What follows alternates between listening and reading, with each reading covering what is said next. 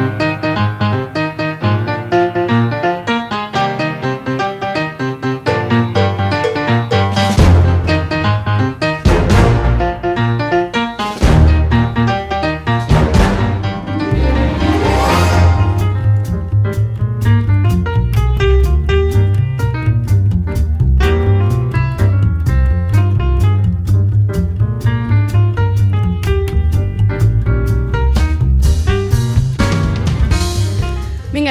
minutets perquè siguin les 10 i és l'hora del tu, jo i la competència.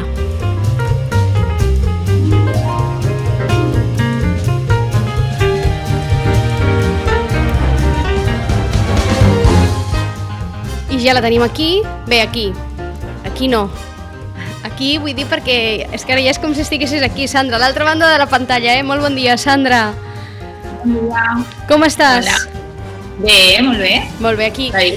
A la distància ens trobem molt a faltar, eh? Això sí que ho diem, eh? M'agrada més quan et tinc aquí l'estudi, oi? En qualsevol cas, seguim amb... La Covid tampoc no ens aturarà, eh? Ni, ni tan sols amb aquestes coses. I continuem amb aquestes accions, amb aquests espais a, a, telemàticament. I avui anem a parlar d'un tema que segur que els interessa molt. Quan la Sandra ahir me'l va comentar i em van parlar una mica, jo ja li vaig plantejar un munt de dubtes i al final ja vam dir el resolem demà en directe i, i així més fàcil, perquè avui la Sandra ens ha proposat parlar d'influencers, del món d'influencers, però no dels influencers del que són, que més o menys ja tothom sap el que és, i, o de com ser influencer i aquestes coses, sinó de com un, un negoci, una marca petita, local, una petita empresa, pot treure un profit o no, o pot fer-ne ús o no d'això, d'un influencer. Correcte. Que, Correcte, perquè... Que entenc que és una pregunta que et fan, Sandra, et fan sovint. Sí, és de les preguntes més demandades des de fa ja temps i, i sobretot aquests petits negocis, no us penseu que només són les grans marques, sinó que et, et pregunten, ostres, i a vegades ens pensem que és la solució, no? I hem de tenir molt clar, nosaltres quan fem una estratègia de màrqueting d'influencers o una estratègia de marca, l'influencer entra en un punt molt determinat que està dins de l'estratègia de màrqueting eh, però és en un punt molt inicial de que quan tu vols vendre alguna cosa. Val? Llavors hi ha un llarg recorregut, que pot ser una acció que tu pots fer, que et pot ajudar per guanyar notorietat o per guanyar més audiència o per guanyar eh, una mica de reconeixement, és possible. Però que la compra del teu producte depengui només d'aquell influencer és un molt mal enfoc. D'acord. D'acord. I és un error que entenc que moltes vegades cometem, no? Que pensem que si aconseguim que una persona doncs, amb cert número de seguidors o amb cert reconeixement a les xarxes eh, promociona el nostre producte, ja estem salvats. Sí, perquè, a més a més, no, no sé si ho comentàvem l'altre dia, però Instagram, per exemple, si us heu fixat, ara tret els likes, és a dir, el número de likes ja no és important per ell, sinó que hi ha moltes altres coses que creu que té més rellevància. Llavors, en funció d'aquestes coses que tenen més rellevància, com sempre venim dient, els continguts de valor, el que tu puguis eh, treballar una publicació, que la gent la pugui reenviar o que la gent se la pugui guardar, o ara han aparegut els Reels, no? que és una que a l'influencer el contractis o li paguis amb espècies, s'ha de treballar. Això ho valora Instagram. Llavors, valora el número d'impactes que tenen aquestes coses, no els me gustes o els seguidors. Que això forma part una mica de l'evolució de les xarxes, eh, Sandra? És una cosa que ha anat canviant i que s'està canviant ara, potser perquè eh, estàvem ja en un accés en què semblava que tot passava per aquesta façana de l'influencer, no? Sí, sí, és que se'ns ha anat de mare, eh? I, I els hem sobrevalorat en moltes ocasions. I uh, venim uh, sense entendre la figura d'un influencer com... A, a veure, de tota la vida hi ha hagut prescriptors en comunicació. Clar, però passa... ara et preguntaria, un influencer és un prescriptor? Un influent depèn de l'estratègia, però hauria de ser, com a mínim, ha de ser un líder d'opinió. És a dir, avui en dia, els influencers tenen més força que els líders d'opinió en comunicació, o sigui, que ser mitjans. És que hi ha moltes marques que diuen no, miro, deix, deixo d'anunciar el meu producte en aquesta franja horària, en aquest mitjà, i li dono aquests diners a l'influencer. bueno, deu haver una estratègia molt potent darrere, no?, de màrqueting d'influencers, que saps segur que aquell influencer tindrà molta més um, engagement, no, que se li diu, o sigui, molta més connexió amb aquell públic uh, determinat. Però per què? Perquè potser tu ets una marca de menjar i aquella influencer és una foodie reconeguda. Tu, tu constantment estàs amb la Delicious Amb la Marta Sanauja, sí, de Delicious Marta, sí, sí. Ah, ella sí que és una influencer i ella està molt focalitzada en un tema en concret que, que són els foodies, no? que és el tema menjar. Llavors, ella pot ser perfectament prescriptora, ambaixadora i, òbviament, influencer, perquè influeix en la decisió de compra, perquè si ella és una noia que té una comunitat que la creu, la segueix i és fidel, se l'ha treballat també prèviament, eh, i quan recomana alguna de menjar se, sobre, se sobreentén que eh, ella va amb els valors d'ella, de, de, de, ella, el que considera ella, sí. no, no recomanarà un mal producte o alguna que et pugui sentar malament o uh -huh. alguna que ui, això va fatal per fer un pastís, però jo ho recomano. És a dir, la comunitat que té ella és el que té valor i és el que ha de valorar la marca. Però, però, evidentment, si jo veig ganivets, no li demana... bueno, la Marta en aquest cas sí. Uh -huh. Però, per exemple, mm, si sóc una peluqueria, bueno, la Marta té molts seguidors, però no la segueixen per comportar el cabell. Clar, jo t'ho pregunto perquè de vegades tinc la sensació que hi ha influencers coneguts, famosos mm, per, per tots, eh, i podríem posar mil exemples, eh, que, mm. que tinc la sensació que no són necessàriament prescriptors, que es dirigeixen a grans audiències, no? i que, no, de fet, ells no recomanen res, no fan ni tan sols posen la veu ni un text, simplement de vegades es posen un bolso. I en el moment sí. en què es posen el bolso, aquell bolso s'esgota, no? I la marca ho sap i per això eh, acudeix amb aquestes persones. Però entenc que el prescriptor, no sé si si mira de fer arribar... O sigui, treballa més... El, és com un més boca-orella de les xarxes, no? És a dir, ell el que intenta és transmetre no? que realment allò li agrada per X motius, no? Doncs perquè, en el cas de la Marta seria doncs perquè és un producte eh, saludable, no? que, que permet fer eh, menjar saludable, postre saludable, sobretot, que és el que fa eh, la Marta. És clar, aquí veig com diferència, no? Correcte, sí. És que, és que hi, ha, hi ha de tot. O sigui, en el món dels influencers hi ha de tot. I la feina de, del negoci, de la marca i de la gent que ajuda a aquests negocis és trobar a l'influencer eh, adequat per aquella campanya en concret, perquè al final el que volem són resultats. I l'exemple que tu m'has posat és un exemple una mica especial, que és d'on t'ha nascut tot, i és el sector moda. D'acord. El sector moda eh, sí que cada vegada hi ha més noies que el que fan et combinen outfits, no? Sí. Si treballen més, et donen idea, no senzillament és em faig una foto amb això i ja cobro. Sí. Perquè les marques ja no ho estan volent, perquè saben que el consumidor ja no se les creu. Clar. No? Clar. Llavors, al final el món de la publicitat és jo t'enganyo una, no t'enganyo una mica, però jo, no? Sí, una mica, una mica, sí, sí. Una mica, I quan m'enganxes em busco una nova, una nova manera d'enganyar-te. No, no volem dir que la publicitat és enganyosa perquè no ho pot ser, però busca maneres sutils de que tinguis una realitat, la realitat que ells volen. I, i de fet, una mostra d'això que estàs explicant d'aquesta evolució, i l'altre dia ho parlàvem, és que ara, per exemple, eh, Instagram obliga a, a totes aquestes persones influencers i prescriptores a que en el moment en què eh, parlen d'algun producte i és publicitat, és a dir, ells estan cobrant per això, perquè és la seva feina, ho han de posar, eh? S'ha de veure clarament, ha de ser explícit, s'ha de, de veure explícitament que allò que estan fent és publicitar un producte perquè, eh, perquè, per intentar, per intentar d'alguna manera pal·liar una mica aquest engany, no?, entre cometes. Exacte. Com a mínim, ells t'ho diuen que estan fent això, vale? que no surt de la noia. Jo el que, el que volia una, una mica parlar, o, o parlar no, sinó que la gent s'emportés com una, una fotografia, no? De, o sigui, per què contractar-los, si és que cal contractar-los, i, i quan. No? O sigui, el motiu real que hauria de tenir uh, un emprenedor o un negoci o una, una marca uh, per dir, vale, m'encaixa perquè necessito, el meu objectiu és aquest i, i quan fer-ho. Vale? I ara, per exemple, per què contractar influencers? Pues, primer, per guanyar visibilitat.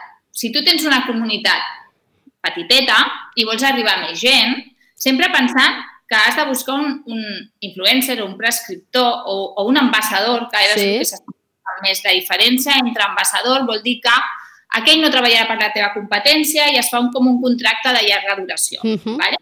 I, i, I aquesta gent sí que el 95% podríem dir que són molt afins a la marca, per tant te la prescriuen de veritat. És a dir, no, no, es mouen, no es mouen només o únicament pels diners, eh? Correcte. D'acord. Correcte.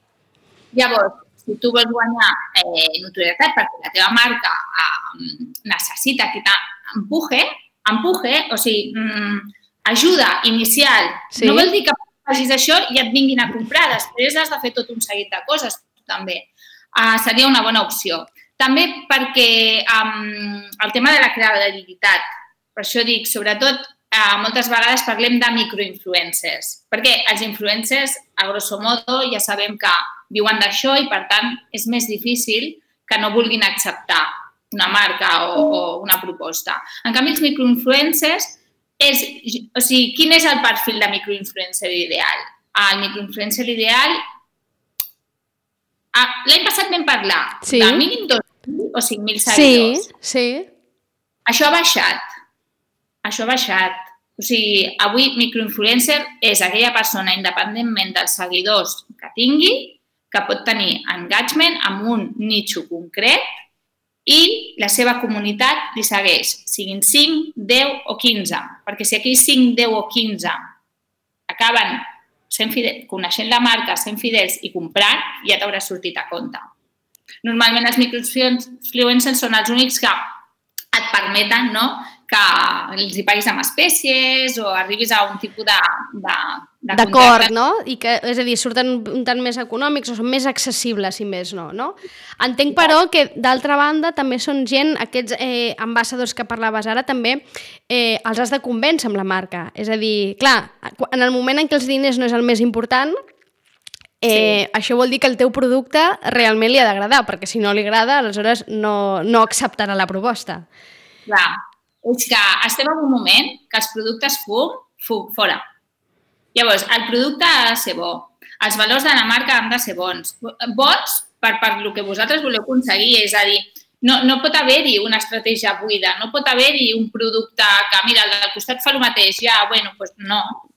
I aleshores, el, aquesta petita empresa o aquest eh, petit negoci o marca s'hauria de fixar abans que en la persona en qüestió en la comunitat que té aquesta persona en qüestió? És a dir, entenc que has d'anar a rebuscar pensant en que tu realment a qui vols arribar és a tota la gent que segueix aquella persona, no? Correcte, correcte. I a més a més, et diria que t'has de fixar en les capacitats de l'influencer. És a dir, si és una persona hàbil, doncs això, per interactuar, saps? Perquè hi ha influencers que diuen, vale, penso això i ja me n'oblido. No, no, penses això. De fet, ara t'explicaré un exemple que em sembla bueno, al·lucinant que va fer la marca. Això és gran, però es pot fer a nivell local, eh, perfectament. Si uh -huh. algú necessita, igual Vinga. jo podria fer experiment i tot, perquè em sembla al·lucinant. La marca sí. eh, una, una, uh, durant un dia el que va fer és agafar... Vans, un... les, les, les sabatilles, eh? Vans. Uh -huh. Va fer un experiment a Mèxic. I va agafar un influencer, que era un cantant de rap, eh, i li va donar la seva compte d'Instagram, de, les, de fet de les seves xarxes socials, però on interactuava més era Instagram i Twitter, que la portés ell durant un dia i que fes el que volgués i que parlés amb els seus seguidors i que li preguntessin el que volgués. Haz lo que quieras con mi comunidad de redes sociales, li van dir. Arriscada, eh, aquesta proposta. Qui no arrisca no pisca. Clar, ho van pagar. Super original. I ara les marques una mica van a això. S'estan atrevint a fer això i connecten moltíssim amb la gent. Moltíssim. Clar, però entenc que la gràcia d'aquesta proposta és que realment, en aquest cas aquest noi, fes el que realment ell volia fer, sense cap mena de límit ni de control per part de la marca. Jo, ni clar, eh, eh, eh, clar, entenc que en el moment en què això eh, es generalitza, no? Em costa entendre que algunes marques no vulguin controlar darrere o no programin, no? I aleshores aquí ja, clar, això per, per, per l'essència. Clar, hi ha coses com... No, o sigui, evidentment darrere deu haver-hi un de... Escolta, no pots dir, ara m'invento, eh, però no pots dir paraulotes, Exacte. no pots posar en evidència. un, un, uns mínims però de comportament. Però, però sí que és veritat que aquesta marca el que va, el que va dir és, a Mèxic, potser tenim una audiència baixa. Per què tenim una audiència baixa? Però qui és eh, el nostre possible públic objectiu a portar les nostres bambes aquí? Ostres, i s'han donat compte que potser no són els skaters o potser no són els... Um, no sé què, és la gent que, que li mola la música urbana. Doncs anem a agafar algun referent en música urbana i que faci el que vulgui. Segur que d'aquell dia en comptes, a l'equip de màrqueting d'abans, en comptes de pensar més idees o més accions, segur que en van sortir moltes que després podran explotar. Llavors, torno a dir, eh, pressupost sí, però creativitat més. Val? Perquè això de, de trobar algú, de dir-li ei, t'atreviries a portar la meva xarxa social durant un dia i jo què sé, i et dono un vestit gratis, aviam què passa, perquè si no fas coses diferents no passa res. Clar. Llavors, Has de, has de I ara aquest exemple que posaves, això és traslladable aquí, eh? A, al món local, eh? A la, a la petita empresa. Totes aquestes accions són eh, traslladables, que el que deia la Sandra, quan parlem de microinfluencers, doncs són microinfluencers, és a dir, pot ser algú del municipi o algú que es mogui per, pel territori, no? que sàpigues que té més o menys arribada a un cert tipus de públic i doncs puguis arribar doncs, això, a un acord que de moltes vegades no és econòmic, quan hi ha una fi econòmica al darrere, doncs a vegades és això, és com un intercanvi, no? Doncs tu fas això, jo sé que guanyaré una comunitat o uns seguidors i per tant uns compradors potencials i a canvi doncs jo et regalo un, part del meu producte, no? sigui el que sigui, sigui un pernil o sigui un vestit o sigui unes sabates. Correcte. Ho estan fent? S'estan animant? Costa trobar això? Costa cada vegada menys, cada vegada menys. I a més a més et diré que la gent des del confinament eh, empatitza molt també amb tot el tema de, sobretot amb el que és consum local. I la gent ja de per si ja prescriu, no? Tots intentem ajudar a tots els comerços, a totes les empreses que tenim al costat. I, i si algú, d'alguna manera, jo crec que s'atrevís a oferir-li alguna a, a una persona que potser eh, ha de tenir una mica idea, no cal que es dediqui això, no cal que sigui influencer, no? Però que tingui una mica idea de, de com moure coses per les xarxes socials, estic segura que, que faríem comunitat de microinfluencers i, amb, per exemple, en un poble com Sitges, si tota la gent que té capacitat de moure a una marca com Sitges a, apostéssim per, bueno, per un compromís de dir, pues mira, penjo alguna de contingut de valor del meu poble, eh, en aquest moment, no? que és una mica més així, tots hi posessin de la nostra part, tots seríem microinfluencers i funcionaria. Clar, és el, és el que anava a dir. Eh, mm, partint d'això que expliques, al final tots, qualsevol usuari de, de xarxes, no? ens podem convertir Clar. en un moment en petits influencers, no? És que, si em permets, ara se m'ha ocorregut, eh, però ficar un exemple. Jo durant el confinament seguia una noia i a la seva filla cada dia com llegien un conte. la Greta. Doncs jo m'he comprat tots els contes. I no ets l'única, eh? Haig de dir que l'experiència dels contes va ser una de les coses més boniques del confinament que vaig viure i encara aquesta setmana, encara aquesta setmana m'ha escrit una noia dient-me, demanant-me el títol d'un dels llibres que se l'havia oblidat i que el volia doncs, fer, aprofitar els Nadals i comprar-lo, no? No ets l'única, o sigui, eh, ha sigut una experiència brutal, lo dels contes. Clar. Llavors, tu això ho has fet desinteressadament, perfecte. Però tu imagina't un editorial que hagués tingut la vista de dir-te, ei, Carola, doncs jo t'envio llibres i si els vols llegir, i sí. No ha estat el cas, eh? No. no ha estat el cas, no ha estat el cas. I sí que és veritat que mm, eh, alguns, un parell d'escriptors de dos contes, una d'elles la Montse Balada, que és vilanovina i que, que més la conec, és aquí del territori, i que publica amb el Cepi Lanança, sí que es va posar en contacte amb mi eh, per donar-me les gràcies, em va enviar un missatge molt bonic. Però sí que és veritat que, clar, ara ho explicaves, clar, això dels contes és un exemple qualsevol, però que és veritat que eh, tots al final, en algun moment o altre, ens podem convertir en petits influencers i d'alguna manera, no sé fins a quin punt també això eh, ens posa responsabilitat, Sandra. És a dir, eh, abans de publicar o de fer res a les xarxes, eh, d'alguna manera això ens obliga a, a, a pensar una mica, no? intentar ser com més responsables amb allò que anem a dir, que anem a fer, no? És que jo penso que hauria, hauria de ser la finalitat de les xarxes no, no, no penjar coses per penjar, ni dir coses per dir, ni de, sinó amb una finalitat. Tu pots penjar coses de, pues, vaig a donar una volta i el dia és meravellós i pensa això perquè és el teu estat d'ànim. Però en el moment que parlem de marques o en el moment que parlem de, de, de coses que es venen, coses de béns de consum, de, pues, eh, bueno, si ho prescrivim per bé, pues hem de ser coherents després. No podem prescriure una cosa i després dir, ui, això és dolentíssim, no m'ho menjaria mai hem de ser coherents, sobretot quan exposem la nostra opinió. Penso, eh? perquè després tot queda allà, eh? tot queda allà, ojo el que diem. Això és veritat, eh? després tot queda no, i a més a més probablement perquè al final també el, els nostres seguidors, eh, al final aquestes coses calen, no? I la gent ho percep. Quan, quan estàs promocionant o parlant d'un producte que no t'estàs creient, jo crec que al final el, això es percep, no? I per molt que intentis enganyar o, o, o vulguis fer veure que confies i que creus en allò, si realment no és així, em, al final el valor, entenc, de tot plegat també és que com més real o com més s'apropi la realitat, malgrat sigui publicitat, no? I que tots sabem que la publicitat intenta vendre el producte, però com més s'apropi la realitat, millor, no? Correcte. És el que busquen eh, les marques avui dia i és el que recomanem. Mira, sempre parlo de lo mateix. Molts clients em diuen locals de ui, és que jo no, per fer un vídeo no, no sé editar, no tinc el programa... Escolta, el més natural és el que millor funciona.